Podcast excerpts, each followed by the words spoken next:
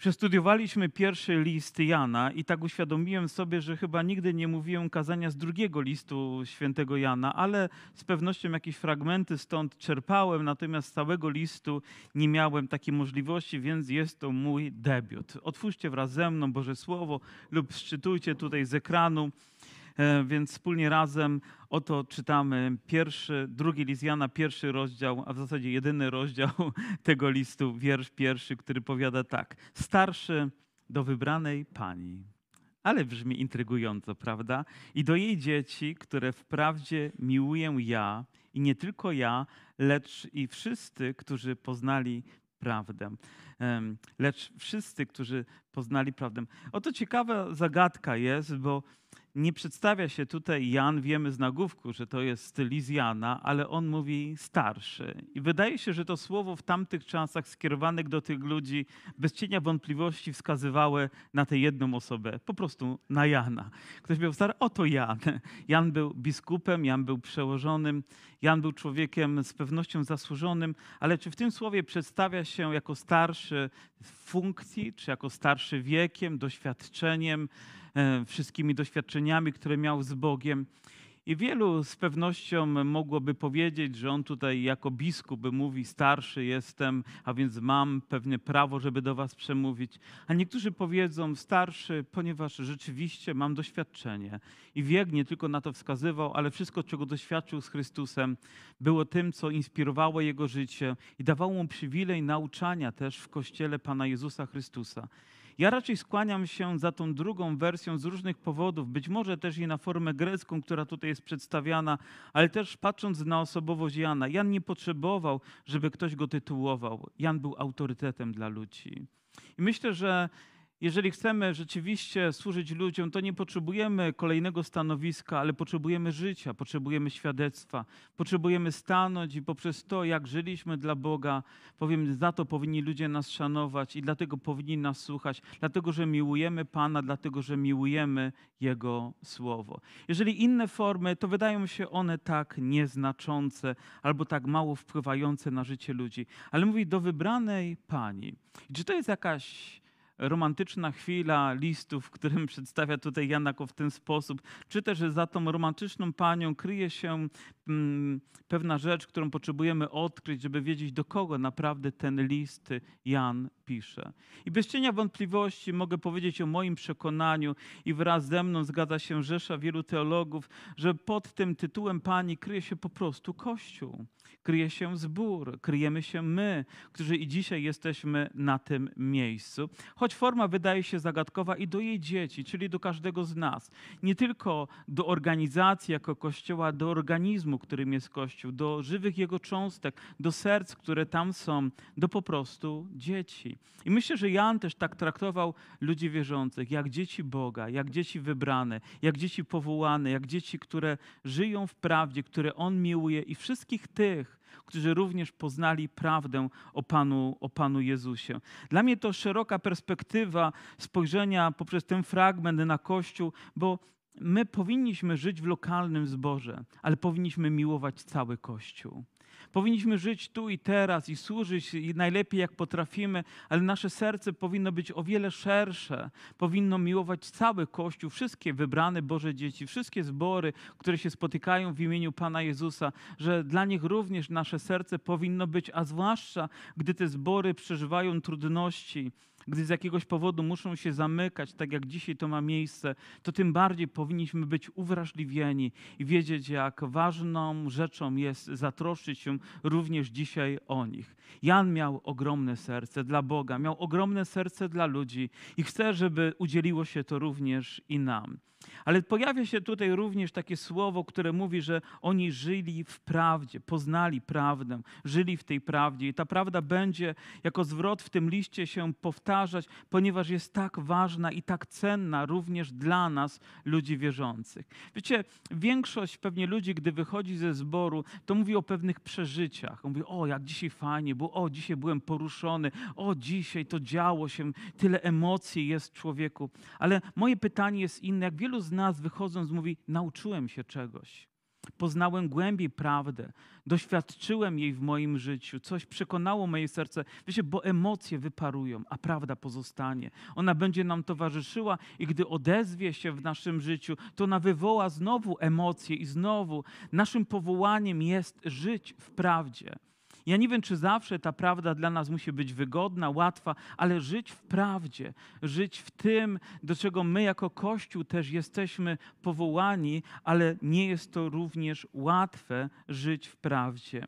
Jan miłował dzieci Pana Jezusa, miłował Kościół, był otwarty na Niego. I drugi wiersz mówi, ze względu na prawdę, która mieszka w Was i będzie z nami na wieki. Wiecie, to jest dla mnie też bardzo uwalniający wiersz. Ponieważ w tym, w tym fragmencie Jan zapewnia nas, że ta prawda będzie na wieki. Gdzieś kiedyś słyszałem jakieś prognozy, że to pokolenie może być ostatnim pokoleniem Kościoła, że gdzieś może się skończyć. I z pewnością dzieją się różne rzeczy w Kościele i na przestrzeni wieków też takie historie miały miejsce, gdzie Kościół przeżywał różne chwile i wznoszenia, gdzie następowały chwile przebudzenia i chwile, kiedy Kościół upadał, kiedy zbory być może się zamykały. Ale jedno, co zapewnia mnie Boże Słowo i ja się tego trzymam, że Jego prawda, prawda Bożego Słowa zawsze zwycięży. Ja nawet nie wiem jak, ale w jakimś momencie ona odezwie się w sercach ludzi i po prostu zwycięży.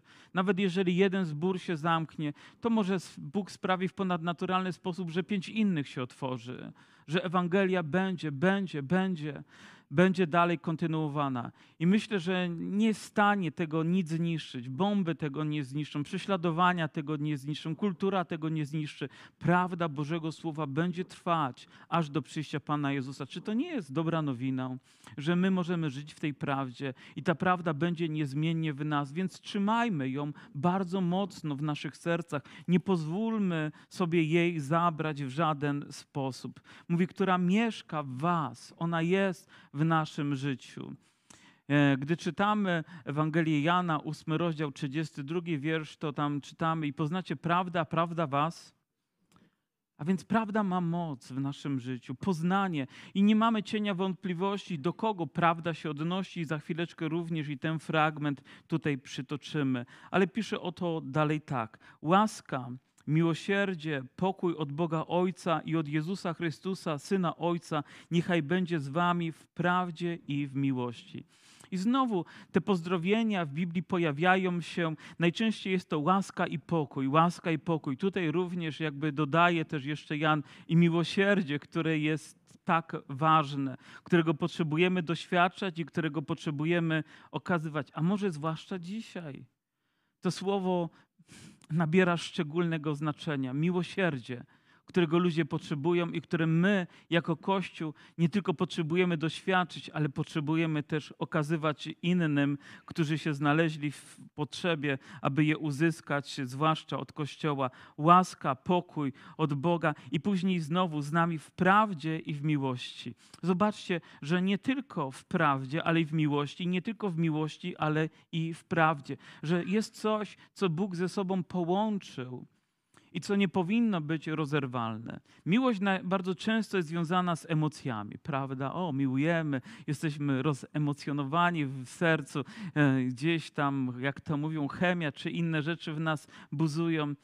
Ale prawda jest również ważna, dlatego że ona daje równowagę w nas. Powiedzmy, że ktoś żyje tylko bardzo emocjonalnie, ale nie żyje w prawdzie, nie ma mocnego fundamentu. Czy myślicie, że takie życie będzie stabilne? Prawdopodobnie nie. Ono będzie takie wychylające się w górę i upadające.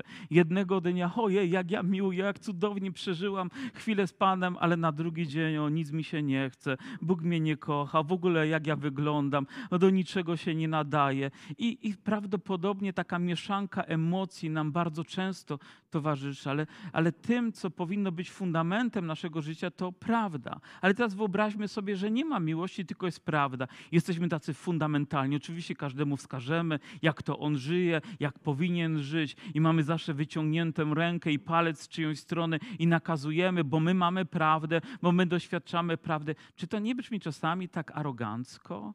Czasami pysznie, że niezrównoważone miłością, a więc można wpaść w legalizm albo można wpaść w emocjonalizm, ale Pan chce, żebyśmy żyli i w miłości, i w prawdzie, i w prawdzie, i w miłości, żeby to było połączone w nas, żeby to było nierozerwalne. Tak jak bierzemy, nie wiem, jeden kij, to dźwigamy od razu dwa końce. Nie tylko jeden, ale dźwigamy dwa, ponieważ bierzemy całość, bierzemy monetę, to bierzemy ją z jednej strony i z drugiej strony. Także powinniśmy również i my w ten sposób brać to, co podaje nam Boże Słowo. I prawdę i miłość, która dla nas jest tak ważna.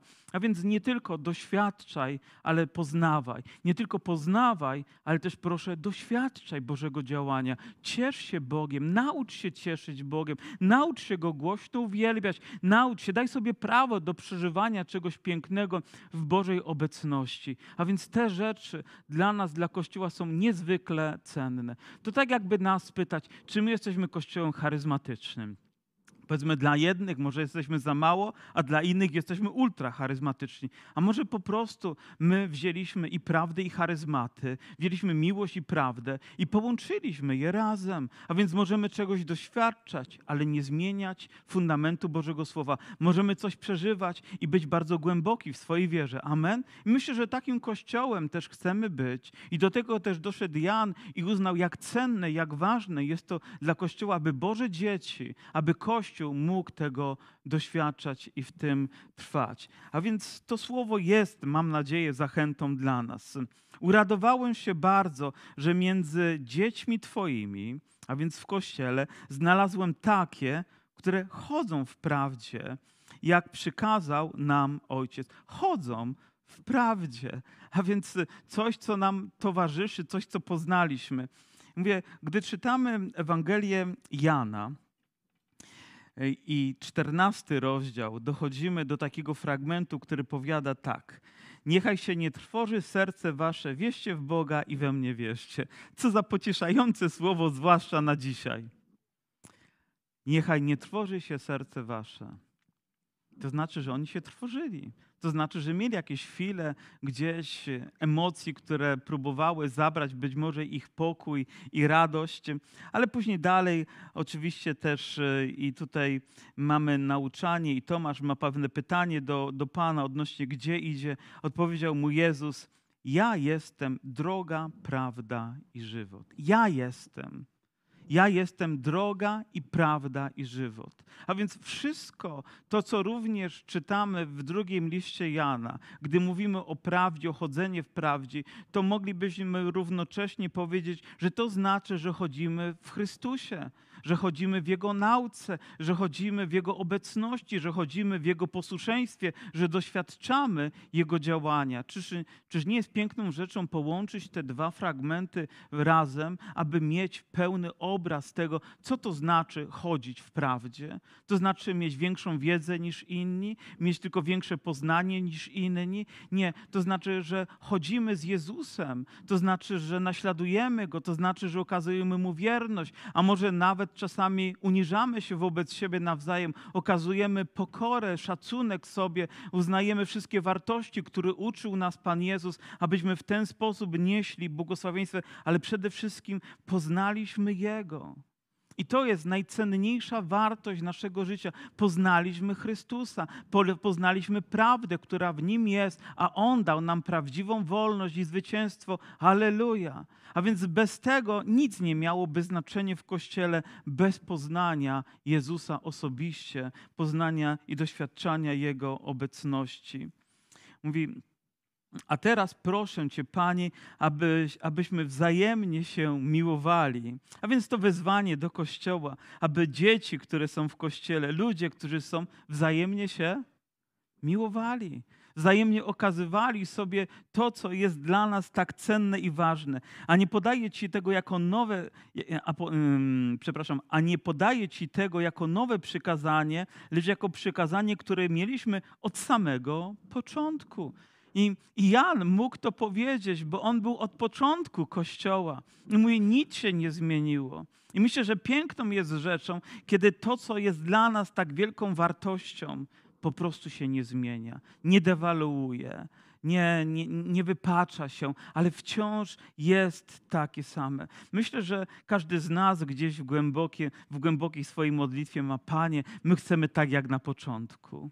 To kontynuuj to to okaż temu wierność, to poddaj temu swoje serce, to pozwól, żeby Duch Święty prowadził Twoje życie, a będziesz tego doświadczał, tak jak na początku. Nie my to odkryliśmy, ale oni, a my możemy to kontynuować dzisiaj, przekazując tą dobrą wieść z pokolenia w pokolenie. I najpiękniejsze jest to, że w żadnym z tych pokoleń ta prawda nie musi mieć jakąkolwiek mniejszą wagę, że coś z niej zostało zabrane, jeżeli człowiek tego nie zrobi, ale ta sama moc i łaska temu może towarzyszyć. A to jest miłość, abyśmy postępowali według przykazań Jego. Takie jest to przykazanie, które usłyszeliśmy od początku, aby było zasadą waszego postępowania. Wiecie, to piękny zwrot, który tutaj się pojawia, aby było zasadą waszego postępowania. Jedna z definicji, która mówi o zasadzie, to mówi o normie postępowania. O czymś, co nie jest do tego, ale jest normą tym, co powinno być niezmienne pośród nas, normą postępowania w miłości Bożej. A to jest miłość, abyśmy postępowali według przykazań Jego. Jeżeli ktoś szuka definicji też miłości, to postępuj tak, jak nauczył Cię Pan. Po prostu postępuj tak, a zobaczysz, że to działa że to będzie miało odniesienie do Twojego osobistego życia. Później zaczyna się taki fragment, który jest nieco trudniejszy, ale którego Jan nam nie oszczędza, bo uznaje, że jest bardzo ważny. Wtedy był i chyba dzisiaj. Kiedy myślę o tym, że nawet na początku powiedziałem, że była pandemia, teraz jest wojna, a może następnym krokiem będzie inny, jeszcze cięższy, bardziej frontalny atak na Kościół, niż możemy sobie wyobrazić. Że przyjdą rzeczy, które naprawdę wstrząsną nami, nie tylko emocjonalnie, nie tylko to, że zagrożone jest nasze fizyczne zdrowie, ale może być bezpośredni atak na duchowość, na wartości Kościoła, które mogą w tym czasie być podważane. Wiecie, za każdym razem, gdy wybuchają konflikty, giną ludzie, to ludzie mają takie pytanie: no to gdzie jest Bóg? Dlaczego on milczy? Dlaczego nie odpowiada? Dlaczego nie zmiecie wrogów? Gdzie on jest, kiedy miliony ludzi szło na zatracenie? Gdzie był ten dobry, święty Bóg, o którym wy śpiewacie? Próbują uderzyć nie odnoszą tego do swojego życia, do tego, że ludzie się zagubili, że ludzie zatracili wartości, że ludzie odwrócili się od Boga. Nie, oczywiście nikt o tym nie myśli, tylko na celowniku jest Bóg, jest autorytet Bożego Słowa. I myślę, że za chwileczkę być może również i to zostanie z wielką mocą podniesione. Ale do czego nas przygotowuje Jan? Bo wyszło na świat wielu zwodzicieli. Jakby armia została wysłana po to, żeby zaatakować Kościół nie mówi pojedyncze osoby, ale już wtedy powstało wielu ludzi, których celem było jedno odwieść ludzi od relacji z Bogiem, odwieść ludzi od Pana Jezusa Chrystusa, którzy nie chcą uznać, że Jezus Chrystus przyszedł w ciele, taki jest zwodzicielem i antychrystem. Już chyba po raz kolejny w swoich listach Jan podkreśla, jak ważne jest wyznanie naszej wiary, że Jezus Chrystus przyszedł w ciele, że Bóg objawił się w ciele, objawił się w naszym Panu Jezusie Chrystusie. Dlaczego dla nas, ludzi ewangelicznie wierzących, jest to tak ważne? Dlatego, że cała Biblia skoncentrowana jest na tym fakcie. Być może nawet to już powinno nam wystarczyć. Jakby wszystkie drogowskazy wskazują na ten jeden punkt. Bo jeżeli przychodzi Boży Syn, jeżeli czyni dla nas to, co jest dla nas ratunkiem, to jeżeli my to pominiemy, to zginiemy. I myślę, że wielu ludzi gdzieś będzie tak bezosobowo uznawać, że jest jakiś Bóg, że jest jakieś bóstwo, ale na pewno nie będą koncentrowali tego na Jezusie Chrystusie, jeżeli nie są ludźmi na nowo narodzonymi. Ale w ten sposób my zlekceważymy naszego Ojca, jeżeli zlekceważymy Syna, jeżeli zlekceważymy Jego dzieło, jeżeli przejdziemy tylko do tego, co nam jest miło, ale nie do tego jednego najważniejszego faktu, faktu, jeżeli nie będziemy się odnosić, to będziemy, kochani, moje drogie siostry, moi drodzy bracia, po prostu błądzić. Dla Boga jest to tak ważne, że cała Biblia opiewa to. Nasze pieśni, nasze modlitwy odnoszą się do dzieła Pana Jezusa, że On przyszedł, że On się pojawił. Na samym początku już diabeł chciał go zgładzić, zabić i zniszczyć. Chciał po drodze również wielokrotnie to zrobić, ale nigdy nie mógł. I później na Golgocie myślał, że to końca, koniec, nie wiedząc, że Jezus zmartwychwstanie i że On zmartwychwstał, to już wiemy i że żyje, i że diabeł w związku z tym został pokonany. Dlatego centralną rzeczą w naszym wyznaniu, w naszej wierze, w naszych modlitwach, w naszym uwielbieniu jest Jezus Chrystus. Jest to, kim On jest. To, że przyszedł i że On objawił nam się tak cudownie w swojej osobie. Nie wiem, ile bym musiał mówić, żeby jeszcze głębiej to dotarło, ale wystarczy przeczytać, jak wielkim niebezpieczeństwem jest od tego odejść. Wszystko w moim życiu rozpoczęło się od Jezusa Chrystusa. Nie od tego, że miałem fajnych kolegów, którzy byli wierzący, czy fajne siostry, które były wierzące, czy fajny zbór, który śpiewał ładne pieśni, czy towarzyszyła temu fajna atmosfera, ale dlatego, że poznałem Jezusa Chrystusa. I gdyby ktoś dzisiaj zabrał mi właśnie tę wartość, tę prawdę z mojego życia, to wiecie co? Mój upadek jest tylko kwestią czasu. Nawet wy nie bylibyście w stanie tego powstrzymać. Atmosfera nie byłaby w tego stanie powstrzymać. Dlatego tak ważne jest to, aby na tronie mojego życia ta prawda zawsze była tym, co będzie najważniejsze, tym, co będzie święte i tym, co będzie jedyne ponad wszystko inne. Proszę, wyznawajcie to, proszę, uwielbiajcie Pana, proszę, wynoście to taki, który temu zaprzecza. Biblia mówi, jest zwodzicielem. Jan mówi, jest zwodzicielem. Myślę, jak osobiście musiał to przeżywać, gdy ktoś przechodził i podważał to, co było tak cenne dla niego, bo on osobiście znał Jezusa. On razem z nim kroczył. On widział, jak Pan Jezus za niego był męczony, jak Pan Jezus za niego umierał. On był świadkiem jego zmartwychwstania. On był tym, który słyszał, jak Pan Jezus po zmartwychwstaniu nauczał. A teraz przychodzi ktoś i mówi, e, to nieprawda. Wyobrażacie sobie, jaki ból musiało mu to zadawać? Jaki wyłom mogło powodować to w kościele? A może też powoduje to, to, że tak łatwo później diabeł przychodzi i zaczyna niszczyć Kościół. Jeżeli ta wartość zniknie z naszego Kościoła, to i nasze kościoły znikną z historii. Ale jeżeli będzie zachowana, to Kościół będzie trwał. Kościół będzie niezmienny, Kościół będzie do tego powracać i Kościół będzie tym emanować.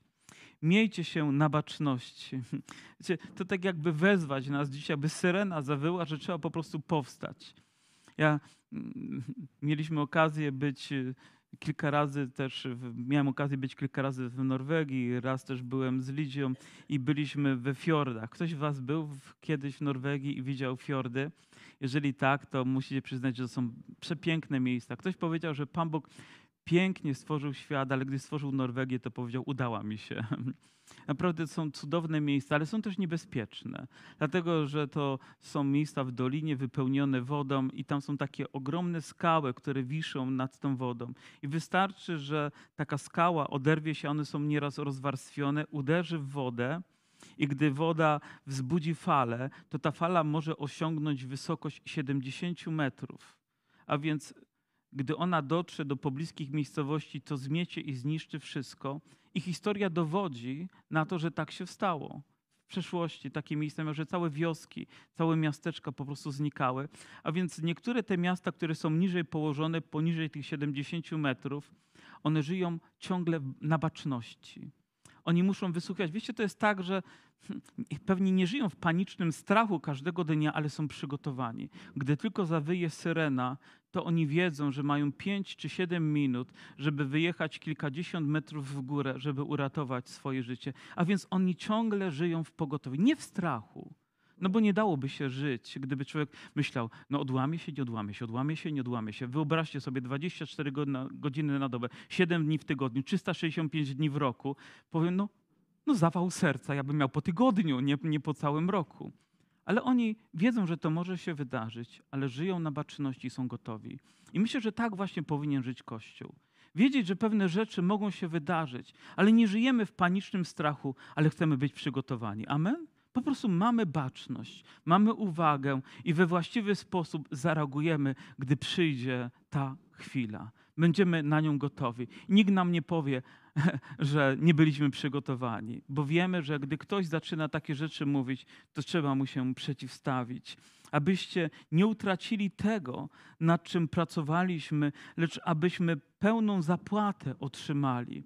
Jakby Biblia zachęca nas, by nic z tego, co Jezus uczynił dla nas, nie zostało okradzione. My nie zostaliśmy z tego okradzieni przez jakąkolwiek fałszywą naukę. Więc pomyślcie sobie, jak wielkie bogactwo Bóg nam dał jak diabeł łatwo chce to wykraść. On dał nam pełnię życia, on dał nam pełnię radości, on dał nam pełnię pokoju, a zły przychodzi tylko po to, żeby to wykraść, wykraść, wykraść i mieć jeden cel zniszczyć. Jeżeli masz jakąś wartość w swoim domu, może macie złoto, może macie kupione dolary na czarną godzinę, nie wiem, jaką tam walutę należałoby wziąć to jestem przekonany, że ona nie leży gdzieś w pokoju na stole, że każdy może przyjść i zobaczyć, ile macie, ale macie swoje sejfy, nie?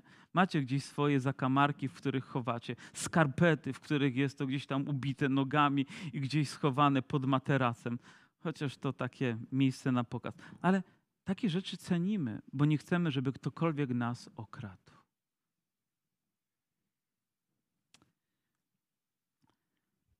Kto się za daleko rozpędza i nie trzyma się nauki Chrystusowej, nie ma Boga.